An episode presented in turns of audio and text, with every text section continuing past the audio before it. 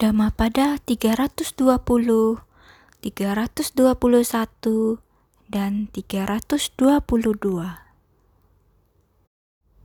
Laksana gajah dalam perang, menahan panah yang dilesatkan busur.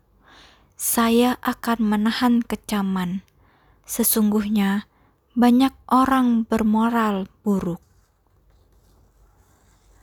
Yang jinak digiring ke kerumunan. Raja menunggangi yang jinak itu.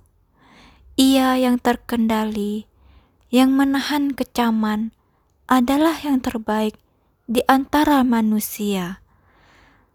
Yang terbaik adalah keledai jinak dan kuda sindu yang berdarah murni, serta gajah biasa dan gajah agung. Yang lebih baik lagi adalah yang mengendalikan dirinya. Kisah latar Ratu Magandia, permaisuri Raja Udena, di Kosambi sangat membenci Buddha. Suatu ketika, tatkala Buddha tiba di Kosambi, ia menyewa beberapa orang untuk mengikuti Buddha dan mencercanya.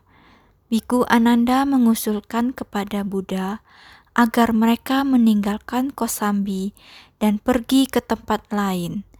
Akan tetapi, Buddha hanya menjawab dengan ayat ini bahwa ia akan menahan cacian ini dengan kesabaran sempurna.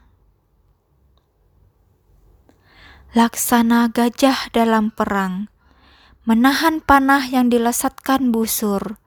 Saya akan menahan kecaman. Sesungguhnya banyak orang bermoral buruk.